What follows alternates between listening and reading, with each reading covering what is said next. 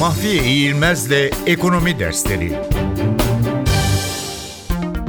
Reeskont kredisi ve avans faizi. Merkez Bankası tarafından vadesi henüz gelmemiş olan alacak senetlerinin kabulü karşılığında verilen kredilere reeskont kredisi deniyor. Bankalar kredi açarken şirketlerden bu krediye karşılık alacak senetleri alıyorlarsa bunları genellikle iskonto ederek alırlar. Daha sonra likidite ihtiyacı duyan banka bu senedi Merkez Bankası'na yeniden iskonto edilmek suretiyle krediye dönüştürülmek üzere verir. Merkez Bankası uygulamada vadesine en çok 3 ay kalmış olan senetleri reeskonta kabul ediyor ve bu yolla açacağı kredilere %8.75 faiz uyguluyor. Avans uygulamasında bankalar devlet tahviline dayalı borç senedi düzenleyerek Merkez Bankası'na veriyorlar ve karşılığında kredi alıyorlar.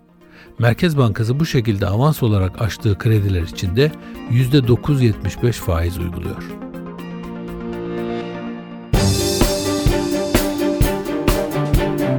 Mahfiye İğilmez'le Ekonomi Dersleri